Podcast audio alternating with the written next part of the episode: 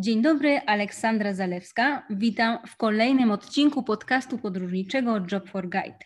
Moim dzisiejszym gościem jest Paweł, który zaraz więcej o sobie opowie, ale najpierw dwa słowa wstępu. Podcast, którego słuchacie, został zrealizowany dla portalu Job for Guide z myślą o wszystkich tych, którzy tak jak my kochają podróże. Platforma Job for Guide łączy specjalistów z branży turystycznej, biura podróży z kadrami turystyki, ale także podróżników i turystów z niezwykłymi przewodnikami z całego świata. Jednym z takich pilotów przewodników jest właśnie mój dzisiejszy gość, który teraz więcej o sobie opowie. Cześć Ola, przede wszystkim na wstępie gorące dzięki za zaproszenie do e, tej fajnej inicjatywy, jaką jest Job for Guide.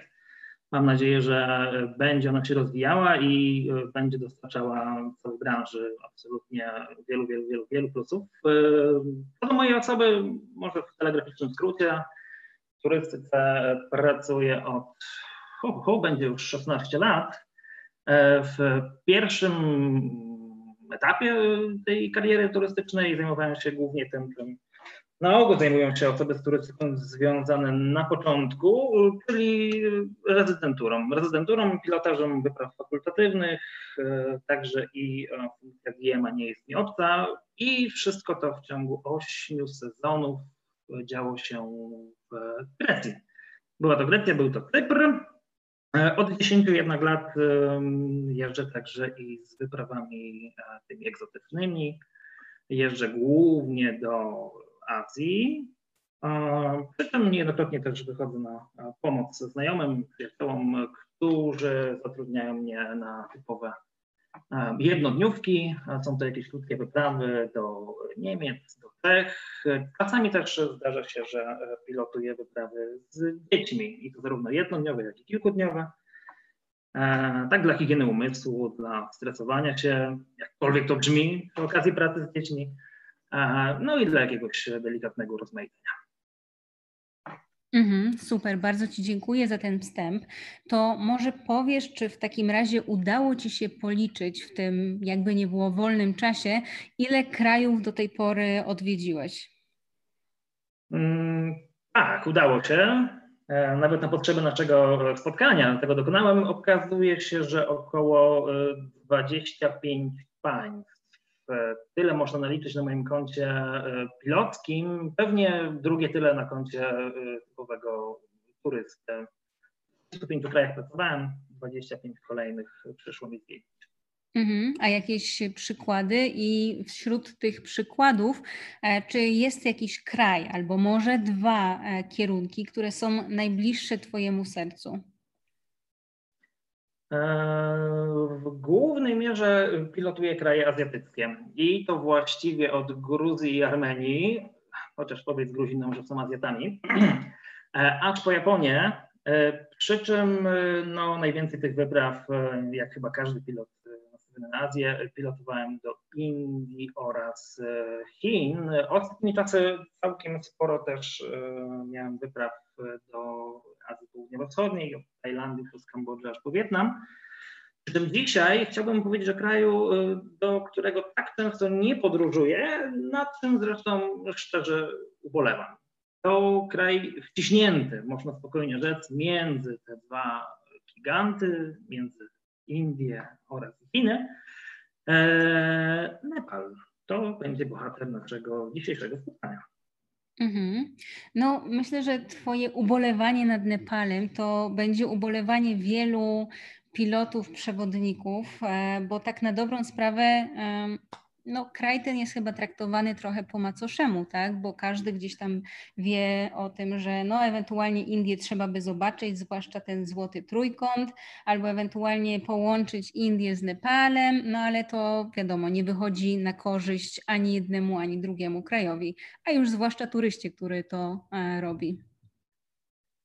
E, no absolutnie masz rację. Mm, właściwie to chyba większość, chociaż ja no nie mam takich statystyk, e, ale tak zakładam, jak z doświadczenia i z obserwacji turystów, którzy trafiają do Nepalu, trafiają właśnie z Indii już po dłuższym zwiedzaniu południowego sąsiada. E, jest to o tyle niekorzystne, że faktycznie ogranicza nam poznawanie Nepalu do bardzo niewielkiego wycinka, No i tak jak mówisz, cierpią oba kraje. Raz cierpią Indie, które oczywiście zasługują na dużo dłuższą e, wizytę, a na dobrą sprawę to i moim zdaniem co najmniej trzy wizyty. A z drugiej strony cierpi Nepal, który mimo, że jest krajem niewielkim, bo to nieco ponad 140 tysięcy kilometrów kwadratowych, czyli tak mówiąc najoględniej niecała połowa Polski, jednak e, ma do zaoferowania naprawdę bardzo, bardzo wiele, o czym postaram się zresztą teraz przekonać.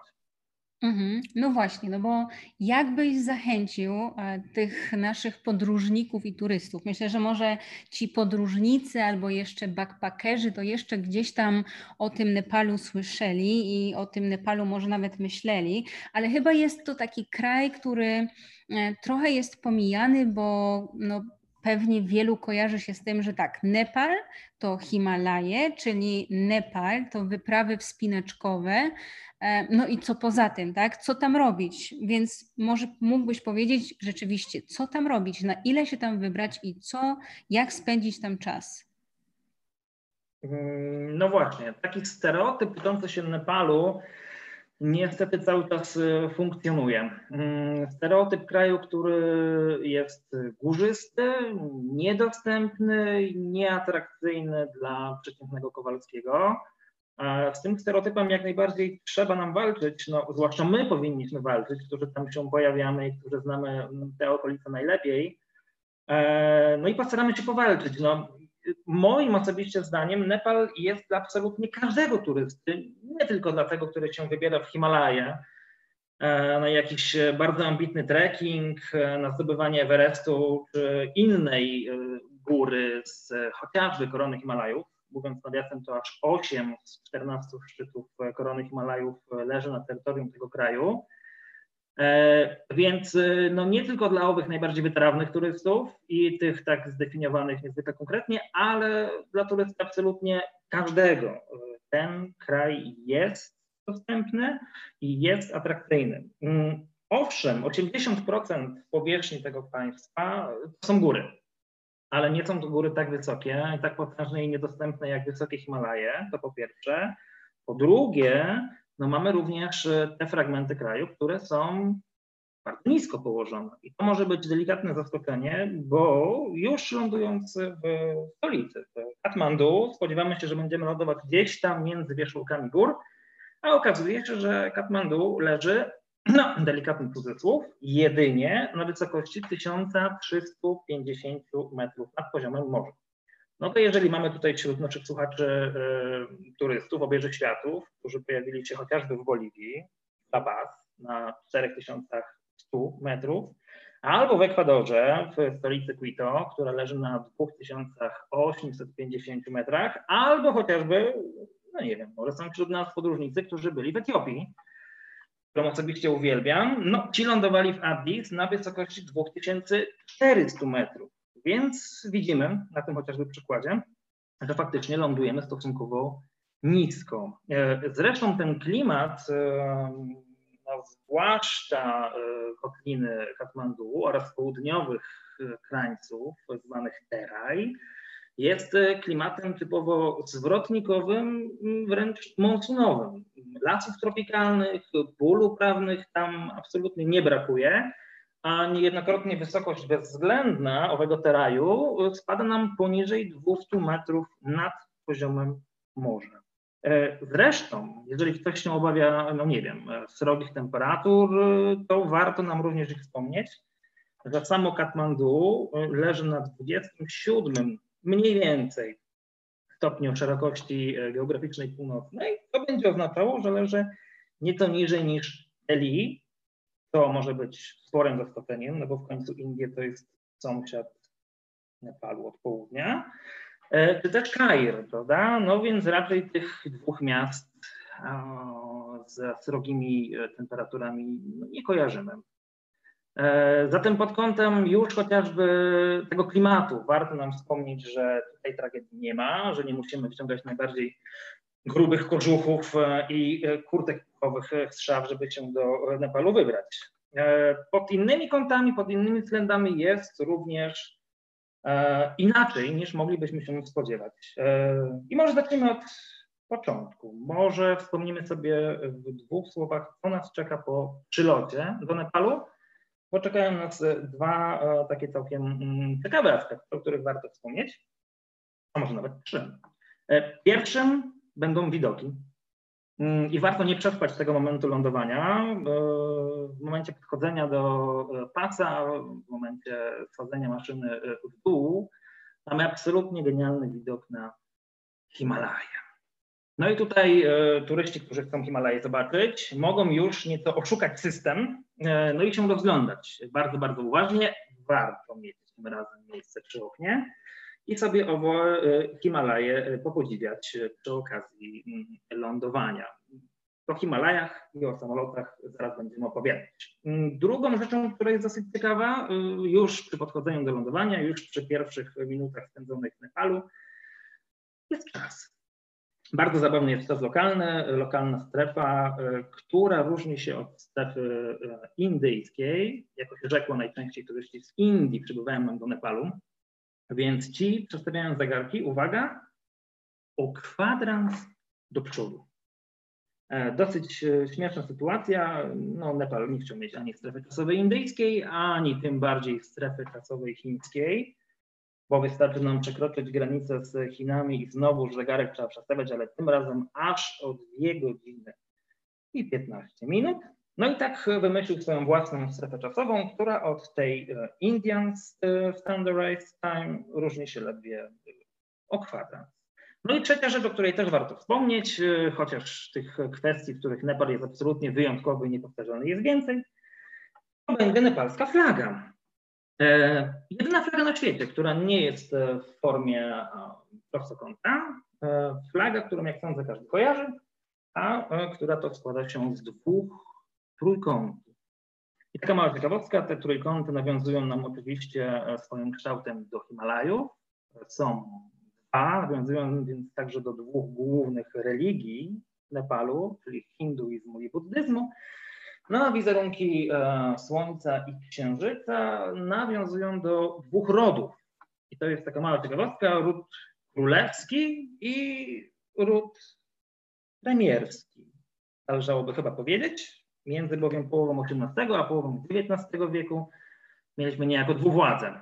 E, ród królewski, owszem, władzę sprawował w Nepalu, ale tylko i wyłącznie papieże, a tą realną władzę, jak się okazało, miała dynastia e, Rana, która to była dynastią e, jednego z premierów, który władzę od ówczesnego króla po prostu przejął. I taka sytuacja miała miejsce przez 100 lat w Nepalu i właśnie w tym to okresie powstała nepalska flaga. No ale właśnie, to jest e, tylko i wyłącznie tak słowem wstępu. Mm, teraz chciałbym udowodnić, że faktycznie Nepal jest dla każdego. I chyba zaczniemy może, sobie od tego. No może niekoniecznie dla tych, którzy poszukują leżakowania na plaży. O tak, e, o plaży w Nepalu byłoby ciężko. E, ciężko byłoby nawet o taki typowy relaks, bo o ile w Chinach z jednej, czy też w Indiach z drugiej strony można sobie to wyobrazić. Są kurorty, są takie miejsca typowego nic nie robienia. Tak w Nepalu nic nie robić byłoby po prostu szkoda. E, no i właśnie, żeby coś robić, no to warto by się ruszyć. Mm, lądujemy więc w Katmandu. To oczywiście jest stolica, jedyne wielkie miasto tego kraju. Jedyne wielkie, które liczy na pewno grubo ponad milion mieszkańców, przy czym ilu ich jest, tego nikt do końca nie wie. Mm, strzelamy również, że samych Nepalczyków w Nepalu mamy około 29 milionów, e, chociaż też e, mm, określenie Nepalczyk nie do końca tu się będzie nam sprawdzać, bo mamy w Nepalu mniej więcej połowę Nepalczyków, Resztę stanowią e, no, przeróżni przybysze na czele z przybyszami z Indii. Bardzo duża część mieszkańców Nepalu to są e, dla przykładu Bihartycy, czyli ci, którzy przybyli do Nepalu ze stanu Bihar. E, no tego stanu, który nam się kojarzy z ogromną biedą i z wielkim przeludnieniem. No i właściwie około 30-40 lat temu mieliśmy taką ogromną falę emigrantów właśnie z Biharu. Do dnia dzisiejszego potomkowie tej wielkiej, wielkiej fali żyją sobie w Nepalu i żyją właśnie głównie przy granicy, w tym w spichlerzu Nepalu, czyli w rejonie zwanym Terai. Więc e, no właśnie, około 29-30 milionów mieszkańców e, Nepalu, dosyć spora część z nich, jak usłyszymy, zasiedla nam stolicę. No, stolicę, którą warto by zwiedzić. Więc takim naszym punktem numer jeden będzie e, typowe zwiedzanie, szwędaczka dla takiego najbardziej, brzydkie słowo, ale jednak pospolitego turysty, który przyjechał coś zobaczyć, coś stworzonego ręką człowieka. No i tutaj w Katmandu jest co oglądać, jak się okazuje. Na dobrą sprawę to jest co oglądać w trzech miastach, e, to znaczy w Katmandu, Patan i Bhaktapur. To są trzy miasta leżące bardzo blisko siebie, więc wystarczy nam jeden kwaterunek w stolicy, by Patan i Bhaktapur również odwiedzić.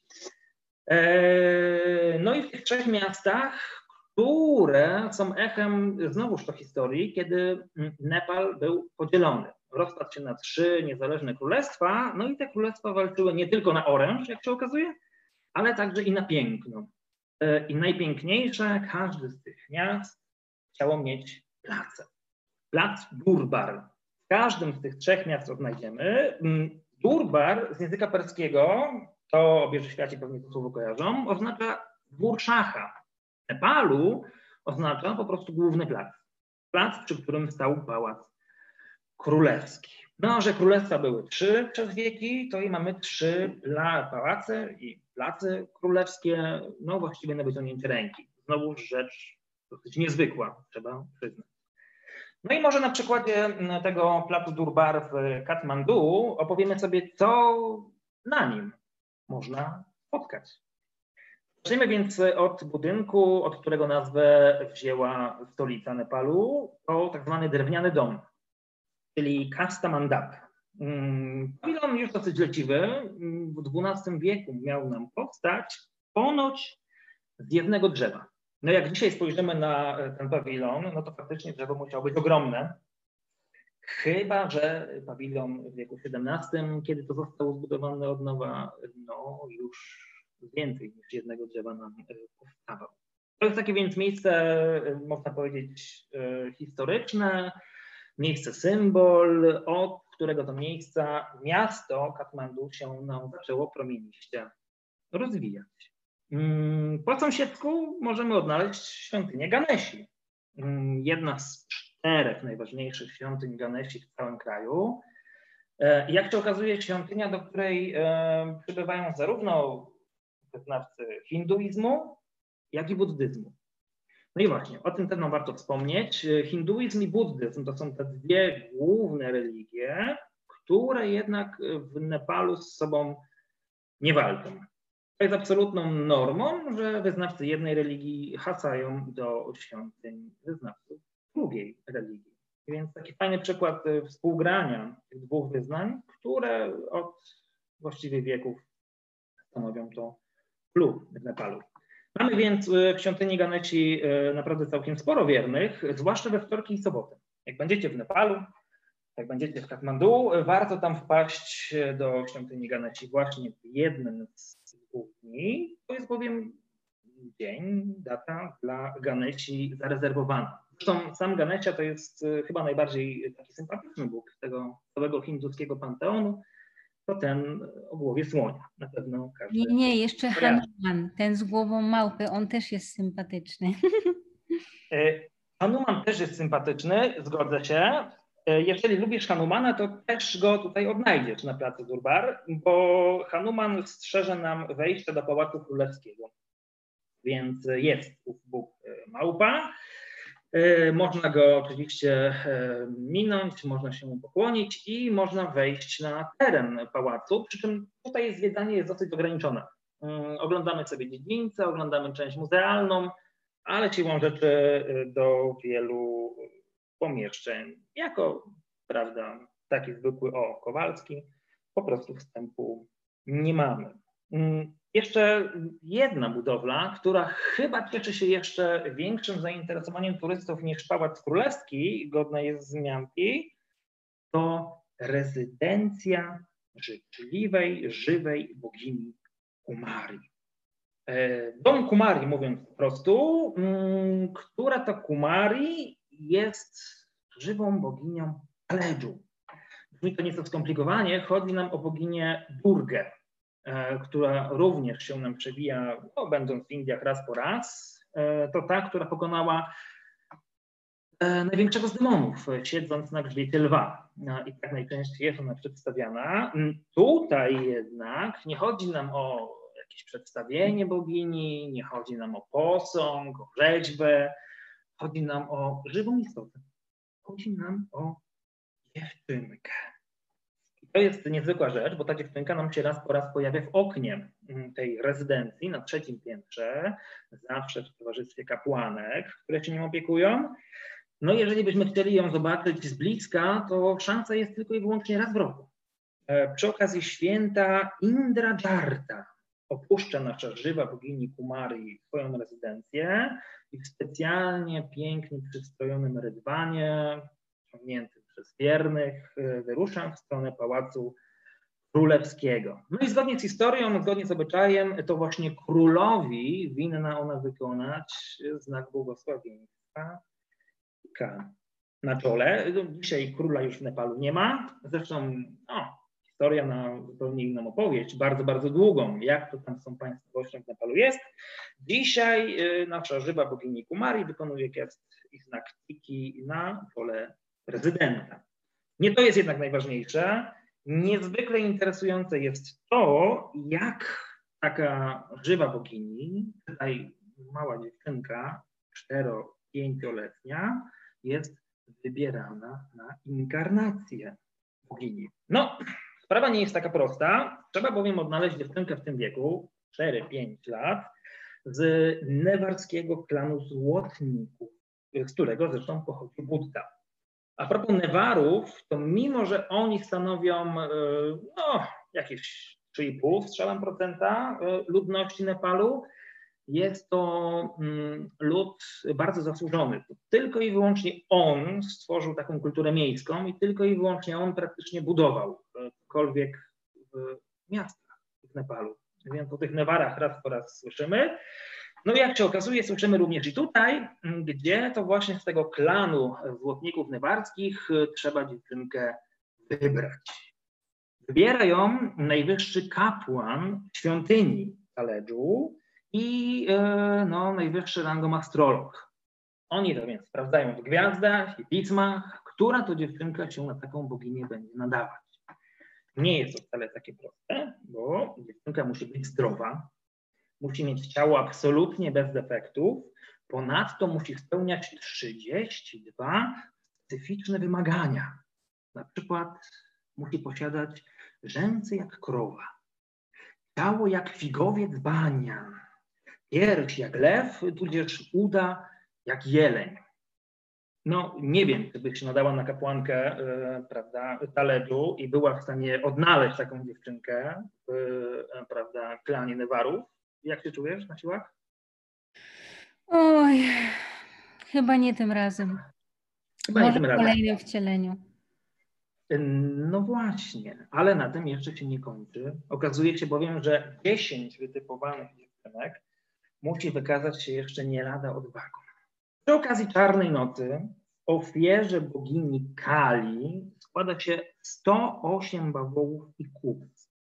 Odcięte głowy tychto zwierzaków pozostawia się na dziedzińcu świątyni Taledżu, a owych 10 dziewczynek musi przejść obok nich bez jednego grymasu na twarzy. Przypominam, to są dziewczynki 4-5-letnie. Dodatkowo w bardzo y, posępny rytm muzyki tańczą tam i e, śpiewają mężczyźni przebrani w bardzo dziwne, tajemnicze i straszne stroje. Jak którym się uda przejść niewzruszenie, mm, zostają następnie zamknięte na całą noc z owymi głowami zwierząt, a ostatnia próba, jeżeli dziewczynki nie umrą nam przyszli na zawał, y, to już moi drodzy, rozpoznanie przedmiotów, które należały do poprzedniej bogini.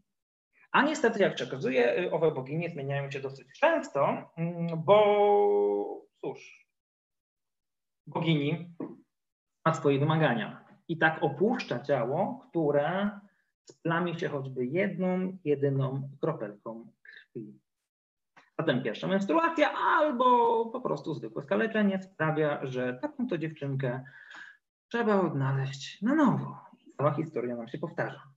Jeżeli traficie na ten właśnie moment, to y, naprawdę może być ciekawie. Y, bardzo ciekawie jest chociażby także i pod pomnikiem Czarnego Bajrawy. To jest jedno z najbardziej przerażających wcieleń Boga Siwy, jednego z trzech najważniejszych w hinduizmie.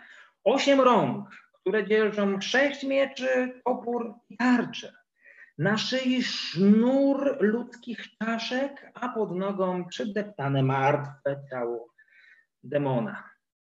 Pod ten to y, pomnik, posąg, warto się wybrać, no i sprawdzić, no, kto tam będzie miał ochotę sprawdzać. Mówi się bowiem, że ten, kto skłamie w obliczu czarnego Bajrawy, poniesie natychmiastową śmierć. Od taki mm, nepalski y, wykrywacz kłamstw. To zaledwie garstka z tych budowli, y, z tych elementów, które nam tworzą plac Durbar, Ścisłe centrum miasta, e, no i właściwie najważniejsza przestrzeń, jak chodzi o zabytki nie tylko Katmandu, ale w ogóle Nepalu. Wpisana na listę dziedzictwa UNESCO, podobnie jak i dwa kolejne place Durbar. No i właściwie ten punkt obowiązkowy zwiedzania Nepalu i zwiedzania jego stolicy.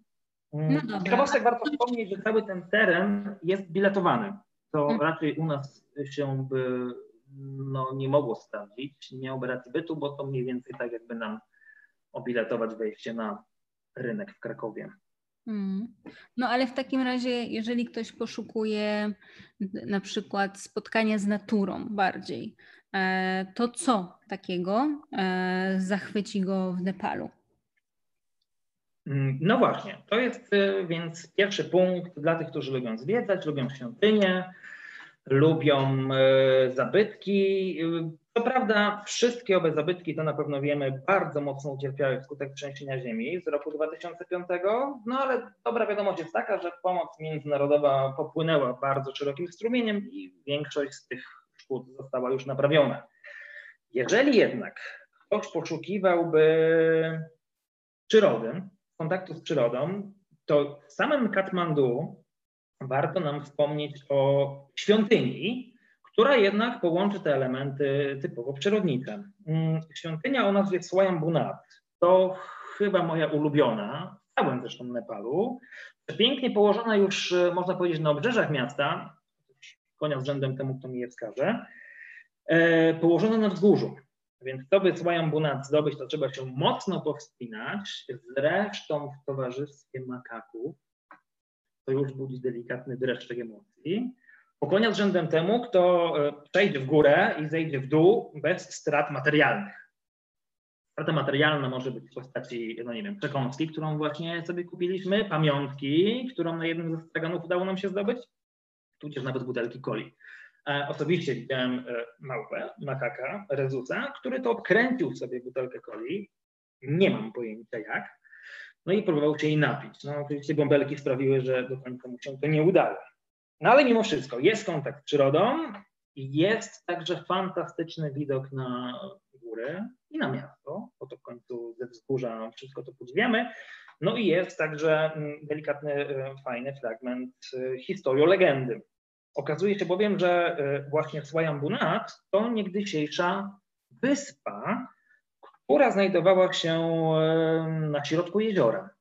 Na tej to wyspie z kolei miał płonąć w błękitnym lotosie wieczny ogień Buddy. No i to właśnie tu raz po raz przybywał na modły pewien mnich, który z kolei chciał ułatwić innym wiernym odwiedzanie tej oto wyspy i w ten oto sposób postanowił e, rozorać okoliczne wzgórza, wyciąć taki wielki, o, prawda, w górach e, wyciąć taki wielki wąwóz, no i złapał za wielką siekierę, tego dokonał i od tego to, to momentu mamy liczoną historię miasta. Bowiem jak tylko spłynęła woda, pojawiła nam się piękna zielona dolina, w której to oczywiście zaczęli się osiedlać ludzie. Więc w samym Katmandu możemy odnaleźć tej przyrody nieco, chociaż miasto no na pewno nie będzie jakąś tam mekką miłośników przyrody, jest strasznie zatłoczone, jest strasznie zakurzone, chyba najbardziej zakurzone miasto, w którym kiedykolwiek byłem, no ale oczywiście nikt nam nie każe w Katmandu przez cały okres swojej wizyty w Nepalu pozostawać. No i jak najbardziej można z tą przyrodą e, być nieco i bliżej.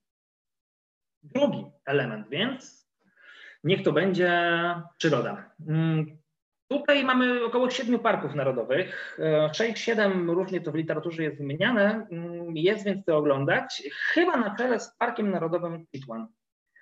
Królewski Park Narodowy, jeden z najbogatszych przyrodniczo parków narodowych w całej Azji. No i jedno z najlepszych na całym świecie miejsc do obserwacji dzikich zwierząt. Tutaj ten kontakt z naturą może być bardzo bliski. No właśnie, jeżeli ktoś mówi safari, to raczej nie ma na myśli Nepalu. Jeżeli kojarzymy safari, no to raczej z Afryką, gdzie ten kontakt no, nie do końca jest tak bliski. Oglądamy wielkie, otwarte przestrzenie i gdzieś tam na horyzoncie, dajmy na to, leżącego lwa.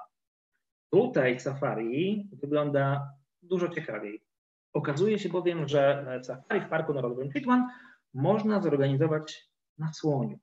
A właściwie to trzeba zorganizować na słoniu, bo ciężko tam o drogi. Jakiekolwiek ubite, ciężko by tam było się poruszać samochodami, jeepami. Więc na dobrą sprawę, jeżeli chcemy park zwiedzić, to słoń jest jedyną alternatywą. Bardzo zresztą dobrą alternatywą, bo słoń zabija zapach człowieka. Nic więc nam nie ucieknie i nic się nie spłoszy, wyczuwając obce dłonie. Żaden też zwierz nam e, słonia nie zaatakuje. Mamy więc e, dużo większe bezpieczeństwo niż chociażby w odkrytym drifie. Poza tym jest bardzo wygodnie. Wygodnie jak chodzi o obserwacje, bo spora część zwierząt kryje się w wysokiej trawie. No my jednak poglądamy z góry. No i jeżeli chodzi o nocorożca, no bo to głównie po nocorożce się wybieramy na safari do parku Chitwan, jest szansa go zobaczyć dużo większa z pokładu słonia, bo słoń wejdzie nam w bagno. No z jeepem raczej nikt nie zaryzykował. Więc e, fantastyczna przygoda, takie kilku, kilkunastogodzinne safari na słoniu. E, jest szansa poobserwować nawet około 50 gatunków ssaków, między innymi poza nocorożcem indyjskim. Zresztą tutaj te nosorożce wracają. Jest ich około 500 i ta liczba stale rośnie. To stanowi mniej więcej jedną czwartą populacji tej światowej, więc jest ich naprawdę sporo. Sporo jest też e, dzikich słoni indyjskich, e, chociaż no, e, tych jest może 20, może 30 na terenie około 500 km kwadratowych. Więc tych dziko żyjących raczej nie spotkamy, ale przypominam, jednego mamy pod swoimi stopami. Mamy też e, całe mnóstwo innych to ciekawych zwierząt, na przykład e, gaury, największe dzikie bydło na naszej planecie, które często na wiosnę są tam w wielkich stadach, e, schodząc sobie z gór, by pojeść nieco świeżej trawy. Mamy dzikie świnie, mamy wargacze, małpy, szakale, twety, to te słowetne zwierzątka produkujące kawę kopielówak. Yy, mamy tygrysy bengalskie i tygrysy też to jest to, co tygryski lubią najbardziej. Yy, tutaj jest tych skupisk zwierząt łownych bardzo, bardzo dużo, więc okazuje się, że także i tygrysów bengalskich jest całkiem sporo i jest całkiem spora szansa, by je dostrzec. No i oczywiście ptaki. To jest wizytówka parku Titwan. Mm, prawie 40% wszystkich gatunków ptaków występujących na subkontynencie możemy tutaj odnaleźć. Więc jeden dzień w parku na pokładzie słonia, Wieczorem popijamy sobie piwko o nazwie Rhino. Smakuje świetnie. A kolejnego dnia możemy się wybrać na mm, kajaczkę, tym razem w kajaku. Albo w takim specjalnie dłubanym z jednego pnia drzewa kanu, w którym to sobie kanu pływamy po e, rzekach, po rzekach, po takich jeziorach zakolowych, co by znowuż oglądać z trochę innej perspektywy park. No a w parku zwłaszcza gawiale gangesowe, no, tudzież krokodyle błotne. E, gwarantuję Wam, stanie z takim błotnym krokodylem nieomalże twarzą w twarz, e, tudzież twarzą w pysk, naprawdę przyprawia o spore emocje.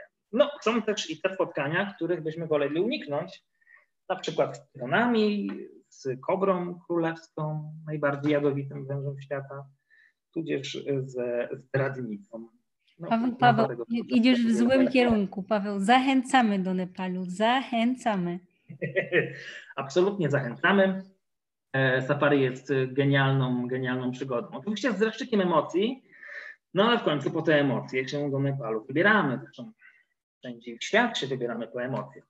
No właśnie, jeżeli komuś e, emocji będzie mało, to takim punktem numer trzy, poza zwiedzaniem typowo turystycznym zabytków i śladów pamiątek działalności e, człowieka, poza przyrodą e, będzie także i punkt pod tytułem góry. No bo właśnie, Nepal nam w końcu jednak górami stoi. 80% jako się rzekło jego powierzchni to są góry, no i oczywiście e, no, prawie jak tymi fiordami w Norwegii, no, prawie jak z tą wieżą Eiffla w Paryżu, każdy jednak chce te Himalaje zobaczyć.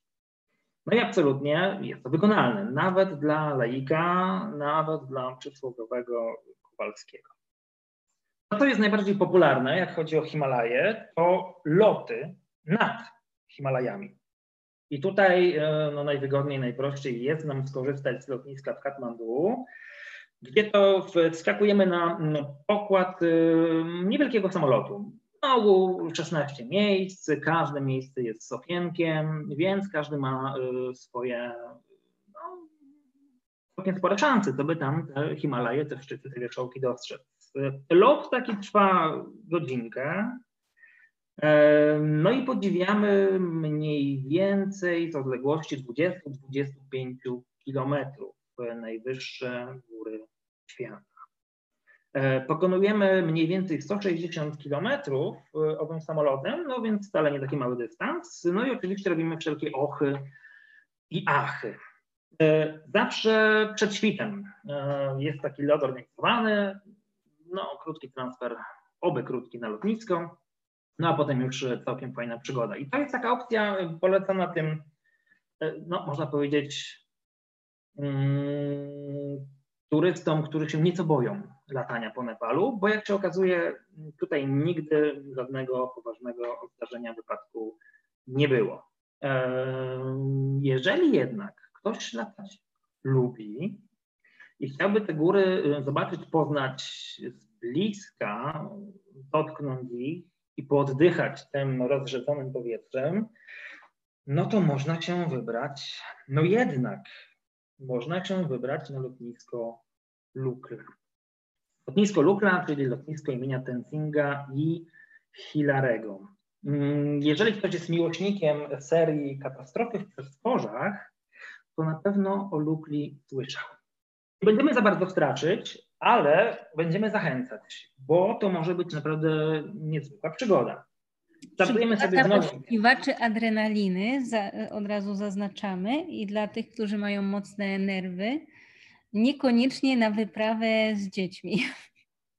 E, niekoniecznie na wyprawę z dziećmi. No, na pocieszenie możemy e, też wspomnieć, że no, jednak połączenie Lukla-Katmandu jest e, stałym połączeniem, z którego korzystają i ci, którzy się wybierają w wysokie góry, no i ci, którzy no, po prostu potrzebują. Tak? Nawet kwestie jakieś medyczne, no w Lukli nie ma lekarzy, nie ma pogotowia, w Lukli niewiele jest poza pasem startowym, no ale oczywiście y, ta komunikacja jest potrzebna. Ona oczywiście no, będzie przyprawiać nas o lekki dreszczyk, no bo każdego roku coś na lotnisku się dzieje.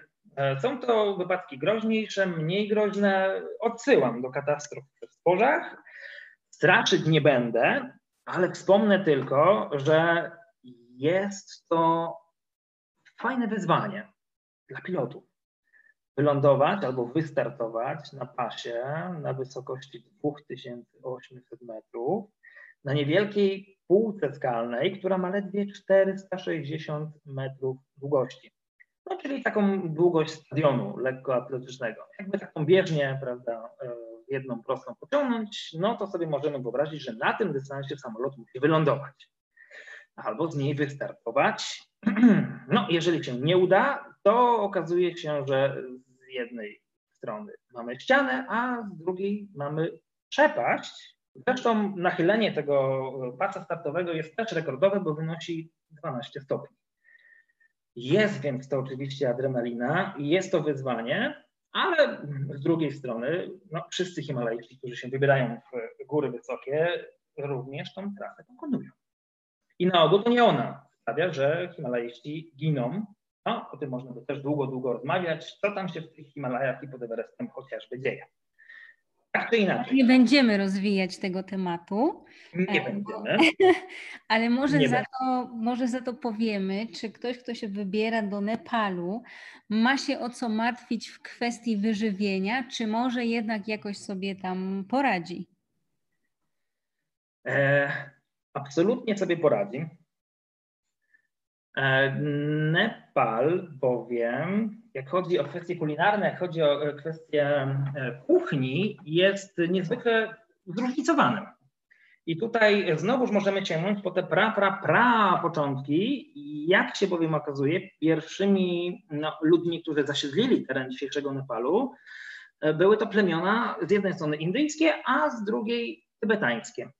I okazuje się, że od y, tysięcy lat absolutnie nic się nie zmieniło, mimo że tych y, mniejszości różnych etnicznych y, mamy w Nepalu co najmniej kilkadziesiąt, jeśli nie sto, to wciąż kuchnia i indyjska, i tybetańska tutaj nam królują. Mm, oczywiście w jednej i drugiej prym wiedzie kuchnia wegetariańska. To na szczęście nie jest w Nepalu aż takim dużym wyzwaniem, bo ten rejon, o którym mówiliśmy, przygraniczny z Indiami, rejon o nazwie Teraj, jest takim spichlerzem Nepalu, a że jest to przy okazji także i część tej wielkiej um, prawda, niziny hindustańskiej, no to rośnie na nich wszystko to, co i rośnie w Indiach, w Pakistanie, w Bangladeszu, tak, czyli kuchnia indyjska absolutnie jest w Nepalu do odnalezienia. Jest masa ludzi, którzy ją uwielbiają.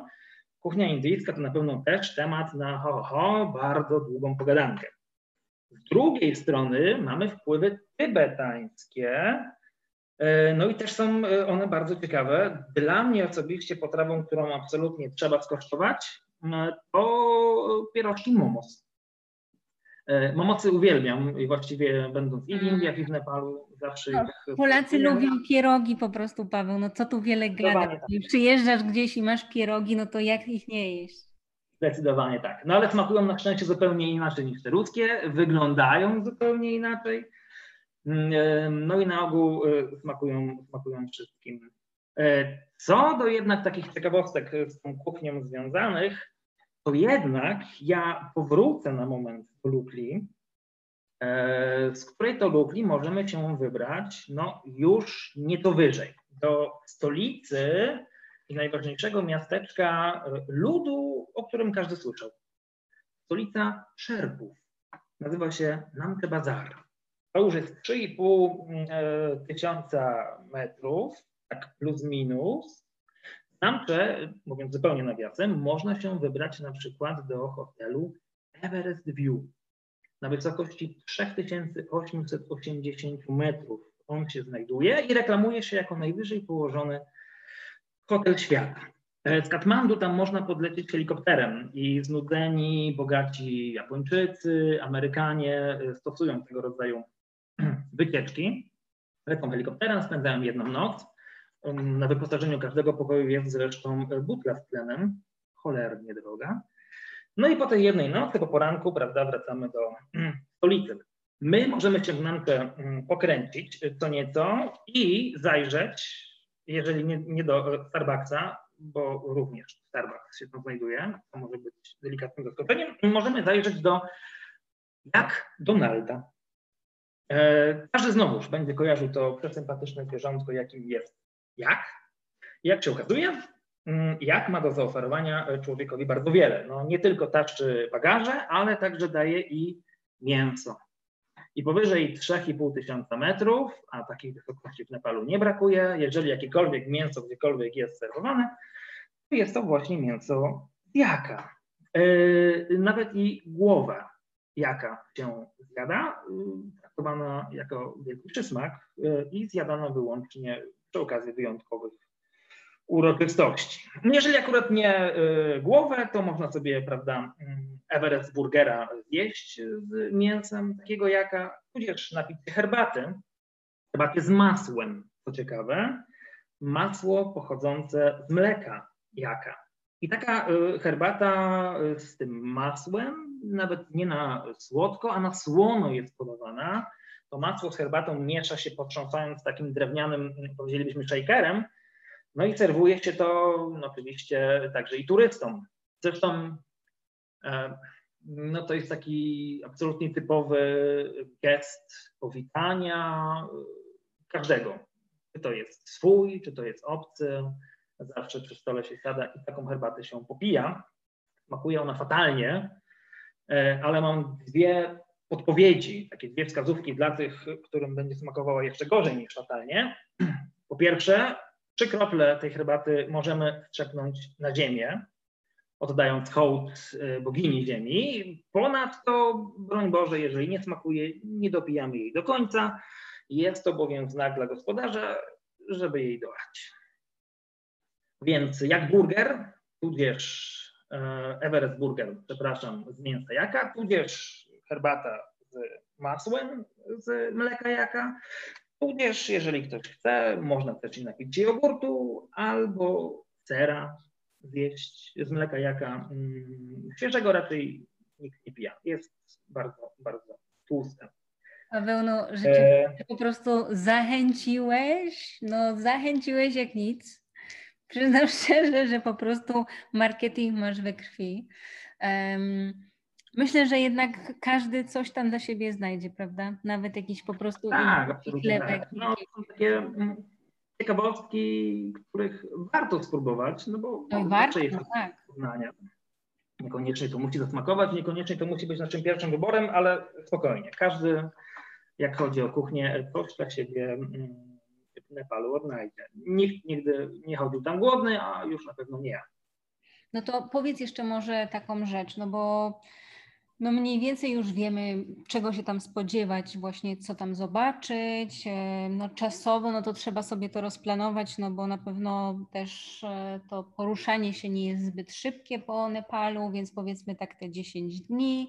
E, to jeszcze dwie kwestie. Po pierwsze, kiedy najlepiej się do tego Nepalu wybrać, żeby ta pogoda była dla nas optymalna i bezpieczna.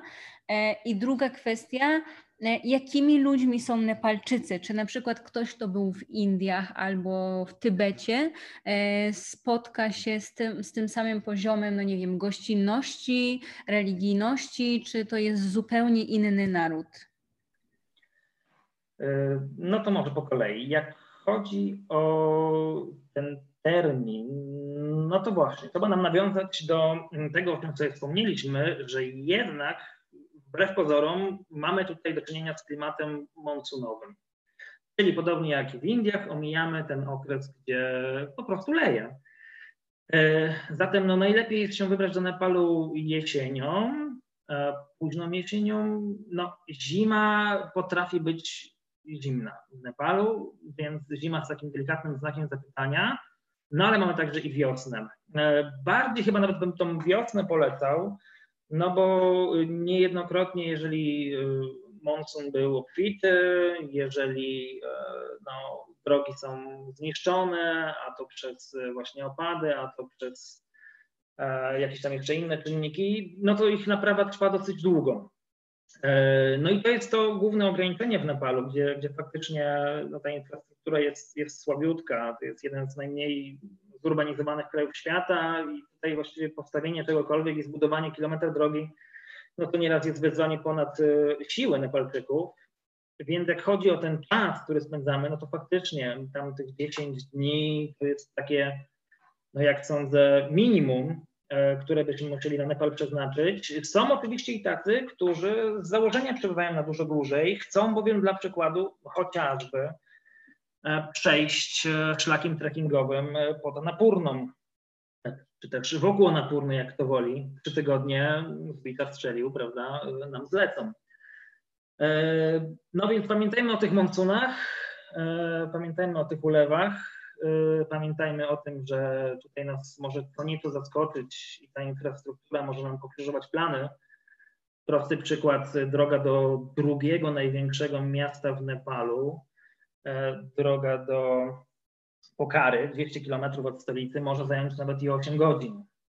E, więc to trzeba wszystko wziąć pod uwagę. Gdybyśmy na własną rękę się wybierali, e, no, warto się rozeznać, pytając lokalnych E, czy dana droga jest przejezdna, czy może jest w remoncie, jest w budowie.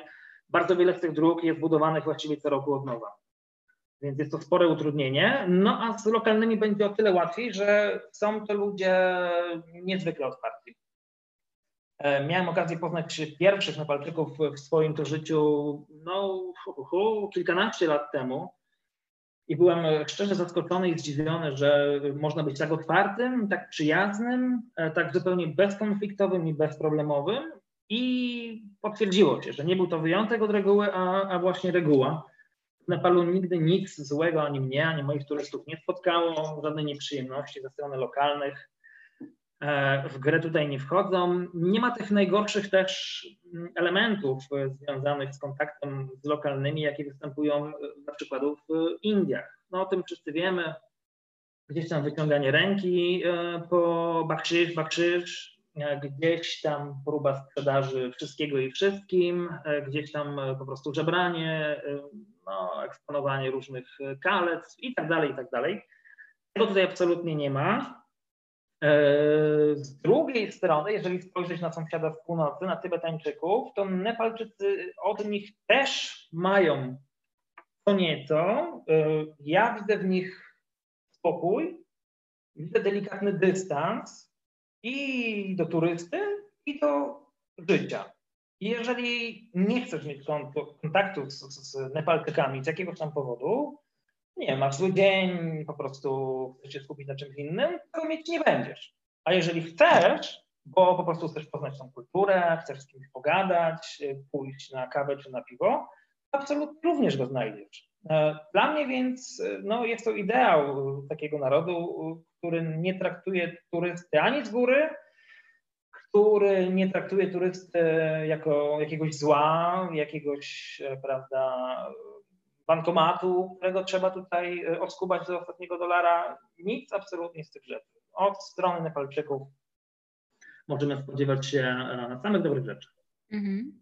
No dobra, to o Nepalu mniej więcej wiemy, no bo oczywiście nie jesteśmy w stanie w ciągu jednego podcastu powiedzieć o nim wszystko, e, ale teraz zajrzymy sobie tradycyjnie za kulisy pracy w turystyce. Zawsze moich gości pytam o najdziwniejsze, najśmieszniejsze, najtrudniejsze i najstraszniejsze przygody z ich turystycznego życia, z ich turystycznej kariery, więc gdybyś takie przykłady też mógł przywołać, bo staramy się tutaj pokazać, że chociaż wielu osobom się wydaje, że praca pilota wycieczek, e, pilota, przewodnika, animatora czy rezydenta to jest często, no nie wiem, wakacje e, i jakieś leżenie na plaży albo, nie wiem, zwiedzanie sobie e, po prostu za czyjeś pieniądze, to nie do końca tak to po prostu wygląda, więc gdybyś też mógł takie sytuacje tutaj przywołać, no ale też wiadomo, coś zabawnego.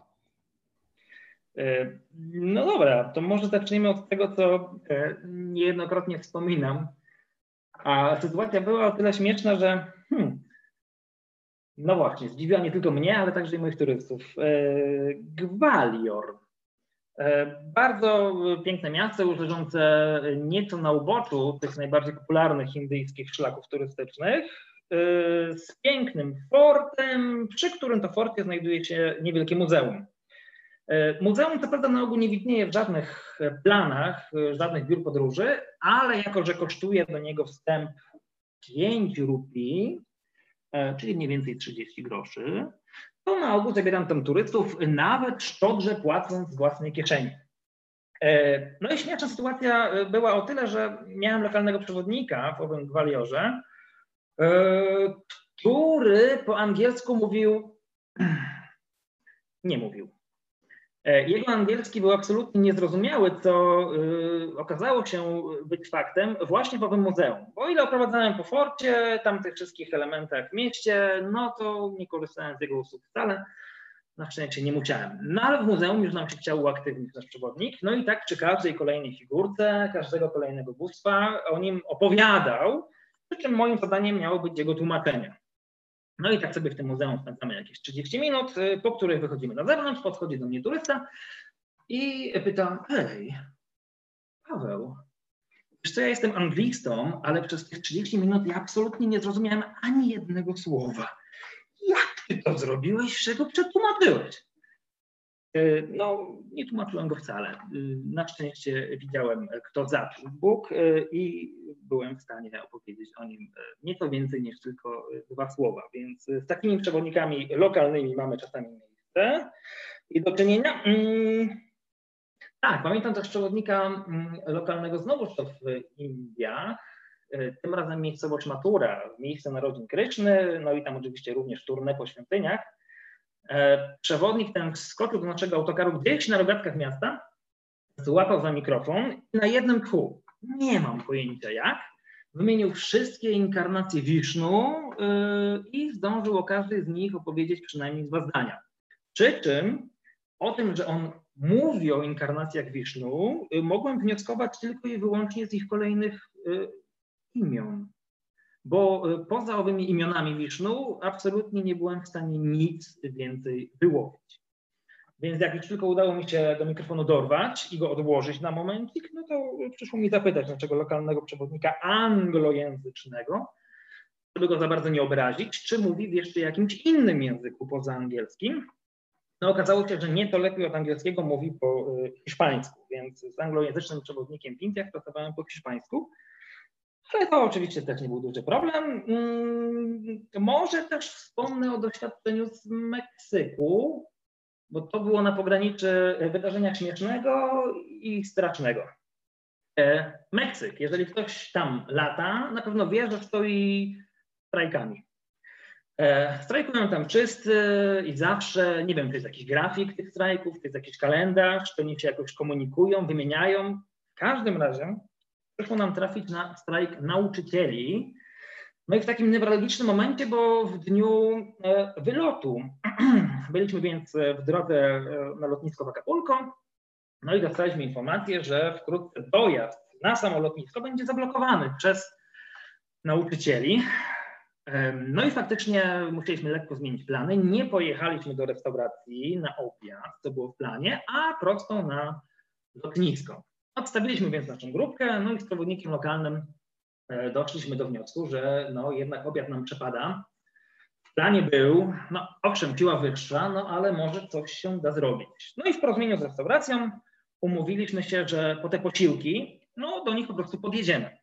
No więc dwójkę ruszyliśmy, yy, pokonywaliśmy kolejne zastępy strajkujących. Yy, jeżeli to byli nauczyciele, to chyba tylko i wyłącznie WF-u, bo byli to wyłącznie faceci, muskularni, e, kominiary, kije baseballowe, płonące jakieś opony, race, transparenty. No, przejść przez ten tłum było już osobliwie, no ale przejść musieliśmy. No, lotnisko było faktycznie już zablokowane i pojazd, który miał nas dostarczyć do restauracji, stał po drugiej stronie. Było więc wesoło, tętno wzrosło, nie da się ukryć. Ale nasze tętno chyba było dwa razy wyższe w momencie, kiedy już mieliśmy te wszystkie pakunki z obiadem dla naszej grupy. Było tego naprawdę sporo. No i tak z tymi pakunkami stanęliśmy znowuż na wprost tych tam panów strajkujących. Więc spojrzeliśmy po sobie z naszym przewodnikiem lokalnym i tak, e, no, mm, temat chyba był nie do końca przemyślany, no bo ci tam panowie już kilka godzin strajkowali, na pewno byli głodni, I myślę, że nasz prowiant mógłby im do gustu przypaść. Śmieszna sytuacja, bo finalnie obiad dotarł do naszych turystów, a przewiózł nas busik przez płytę lotnicka, czyli zupełnie z drugiej strony. Także był to prawdziwy Meksyk, trzeba przyznać. Z ciekawych i śmiesznych sytuacji. No z perspektywy czasu wydaje mi się, że e, ściąganie turystów z łóżka o trzeciej w nocy w Tokio, aby się wybrać na targ rybny Tsukiji, e, było cokolwiek śmiesznym pomysłem. No tak, no zarywać noc, żeby obejrzeć, jak ludzie kupują ryby, to jest dosyć dziwne. No ale aukcja Tuńczyka sławetna, aukcja no właśnie. jednak nam raz po raz wypaliła. No, kilka razy mi się zdarzyło na ten kark na aukcję Tuńczyka się z turystami wybrać, aż w końcu uznałem, że no jeżeli któregoś razu nie wypali, to pilot może mieć problem. No i faktycznie jakby sobie temat odpuściłem, ale y, no, myślę, że tak z perspektywy czasu było to dosyć y, śmieszne. Ludzie zarywający noc, oglądający jak ktoś kupuje rybę. E, śmiesznie też było w Krakowie, bo jestem też przewodnikiem po Krakowie i kiedyś, dawno, dawno, dawno temu zdarzało mi się pracować z różnymi ciekawymi grupami. E, pamiętam pana, który będąc Amerykaninem, to chyba nie jest przypadek, a składał reklamację na brak Sea View w jego hotelu. A, przypominam, jesteśmy w Krakowie. Więc y, no, o View generalnie pod Wawelem może być ciężko, ale pan się upierał, że on miał w umowie zagwarantowane, że będzie to Sea View. Nie żaden tam River View, e, tylko właśnie Sea View. Więc y, bywa i bywa i tak. Mm.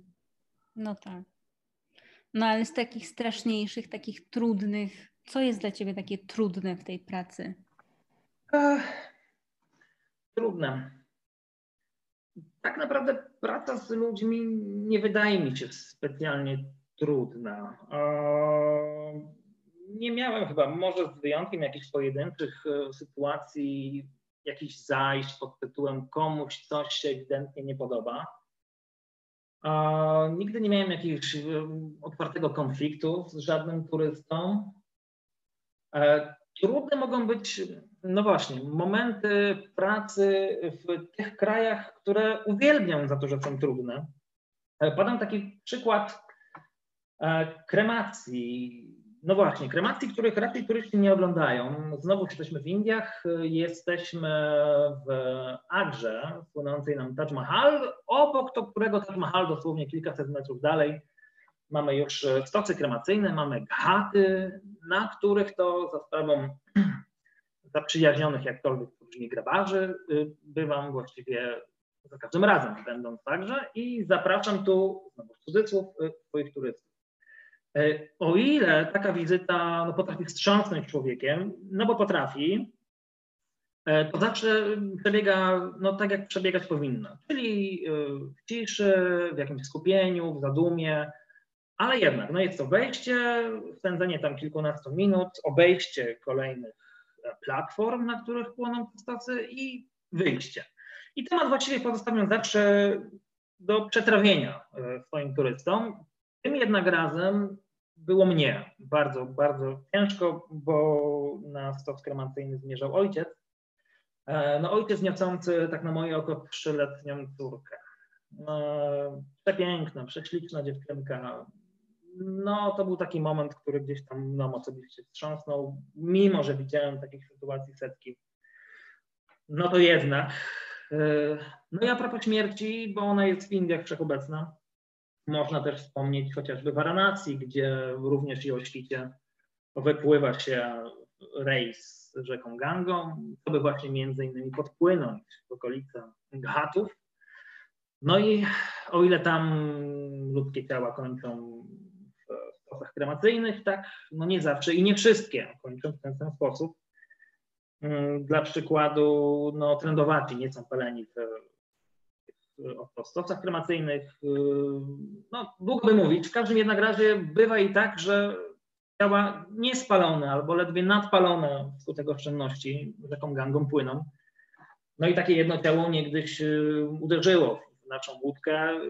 To ciało oglądała bardzo, bardzo bliska z moich turystek, no i akurat w tym momencie no, coś pękło i zażyczyła sobie natychmiast lotu powrotnego do kraju. No, są też wypadki samych moich turystów, między innymi sympatyczna para e, lekarzy kończyła e, imprezę Indie z Nepalem, nie do końca w pełni formy. Byliśmy świadkami wypadku, jak się okazało później, śmiertelnego na ekspresówce między Agrą i Delhi gdzie to widząc, co się dzieje, działo się to na naszych oczach, jedna z pań zaczęła krzyczeć w autobusie, że jest lekarzem i absolutnie ona biegnie udzielić pomocy. Owszem, z autobusu wybiegła, wybiegłem tuż za nią, e, przy czym no nie do końca jest to jasne, czy się potknęła i przewróciła, czy wskutek tego szoku dostała ataku epilepsji. Trudno powiedzieć, co wywołało co. No, w każdym jednak razie no, skończyło się to wizytą w szpitalu. E, gdzieś tam krzykiem, e, siniakami, otarciami, e, no skończyło się nie za przyjemnie. Tym było mniej przyjemnie, że faktycznie gonił nas czas, bo był to moment, gdzie za kilkanaście godzin mieliśmy po części wracać do kraju, a po części lecieć dalej do Nepalu. No właśnie, bo te sytuacje zdrowotne to są e, chyba te momenty, kiedy no, najciężej jest E, zareagować i też, e, no właśnie, tu ogarnąć grupę, tu ogarnąć tą osobę poszkodowaną. Tak samo z tymi wszystkimi żywiołami też nie mamy na nie wpływu. No ale okej, okay. w takim razie, Pawle, już kończąc powoli, e, dwa ostatnie w zasadzie pytania. Jedna kwestia bardzo ważna, czyli Twoje rekomendacje dotyczące tytułów książkowych i filmowych. E, no myślę, że ogólnie podróżniczych, ale jeżeli mówimy o Nepalu, to fajnie by było, gdyby oczywiście to dotyczyło Nepalu. E, natomiast druga kwestia to e, bardziej taka osobista, czyli no jak ten COVID nieszczęsny wpłynął na Twoją karierę i no jakie masz dalej plany i co byś robił, gdybyś w tej turystyce nie pracował? Tak. Jak chodzi o y, polecone pozycje, no to dla mnie, jako dla pilota, ale jako dla potencjalnego turysty, bardzo fajne są książki pani Moniki Witkowskiej na czele z tytułem Everest Góra Gór.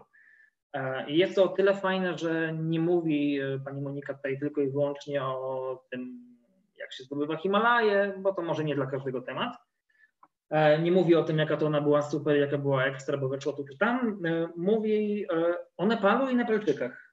Mówi o bardzo wielu ciekawych tematach, takich powiedzmy, że związanych z kulturą, z historią troszeczkę. Wspominam o jakach będących bohaterami naszej wypowiedzi, nasze, naszego spotkania. Wspominam o Yeti, Wspominam o tym, mm, no właśnie, jak to tam drzewie bywało w tych Himalajach, jak to jest w tym momencie. E, I jest takich książek e, pani Moniki kilka, które naprawdę są świetne, więc e, można by sobie oczywiście rozpocząć od tego. Jak chodzi o książki o Nepalu, to dużo tytułów takich starszych, które gdzieś tam wygrzebałem w antykwariatach czy w bibliotekach, też nam fajnie ten kraj opisuje. Kraj, który się bardzo szybko zmienia, więc e, to też jest powód, żeby do niego jechać e, czym prędzej. No, póki nie będzie taki komercyjny, póki nie będzie tak obładowany turystami, póki nie zmieni samych lokalców, e, to jest to jedno z takich jeszcze miejsc, powiedzmy, no nieskalanych, nieskażonych tą turystyką masową i przez to również bardzo ciekawych. Więc takie stare książki, stare tytuły też się fajnie czyta, bo odnajduje się całkiem sporo z ich treści gdzieś tam terenie, w czasie. E, ale pani Monika Witkowska, to na pewno. Ty wiem, że masz jeszcze swoje jakieś e, polecenia.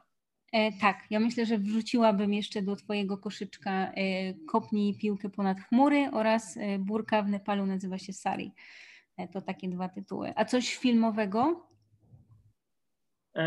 No to Mówię, oczywiście... no nie, wszyscy, nie wszyscy lubią koniecznie czytać. Ktoś może wolałby po prostu coś obejrzeć. Tak, no bardzo głośny y, film tyczący się mm, no, najczarniejszego dnia w historii zdobywania Everestu. To ten 96 rok, kiedy e, dwie mm, agencje wspinaczkowe do dnia dzisiejszego, które działają nam prężnie w Nepalu, no, straciły swoich, swoich ludzi, straciły swoich turystów. E, Więc e, ten tytuł o Everestie jak najbardziej mm, godny, godny odnalezienia. Całkiem świeży film. Wszystko za Everest warto mhm. obejrzeć. No teraz prywatnie.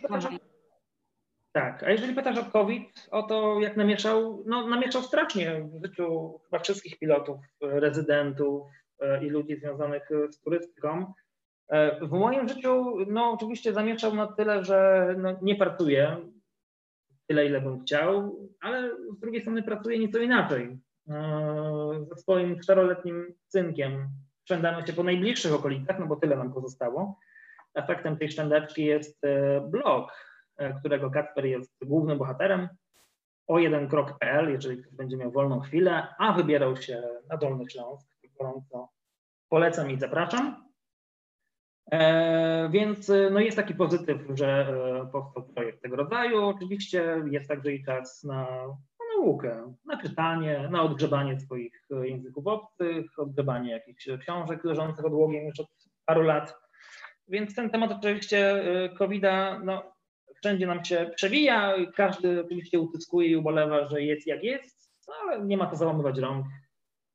Jest to też czas, który twórczo można spożytkować, to niniejszym staram się robić. Zresztą udział w e, naszym przesympatycznym spotkaniu jest tego dowodem. Mam nadzieję, że, że także i e, owa opowieść o Nepalu do gustu przypadnie. E, no i dużo może zachęci, mam nadzieję zachęci do wizyty w Królestwie Himalajów.